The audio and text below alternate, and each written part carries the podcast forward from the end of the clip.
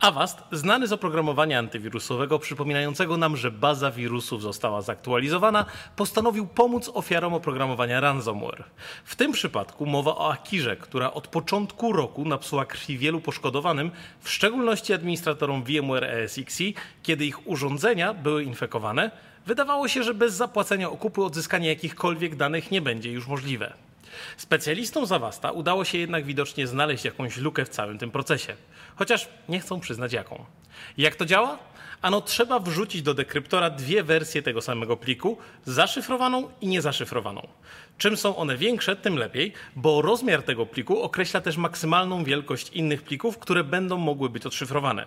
Cóż, nie jest to idealne rozwiązanie, ale dla ofiar oprogramowania ransomware jest to zdecydowanie lepsze niż utrata wszystkich danych.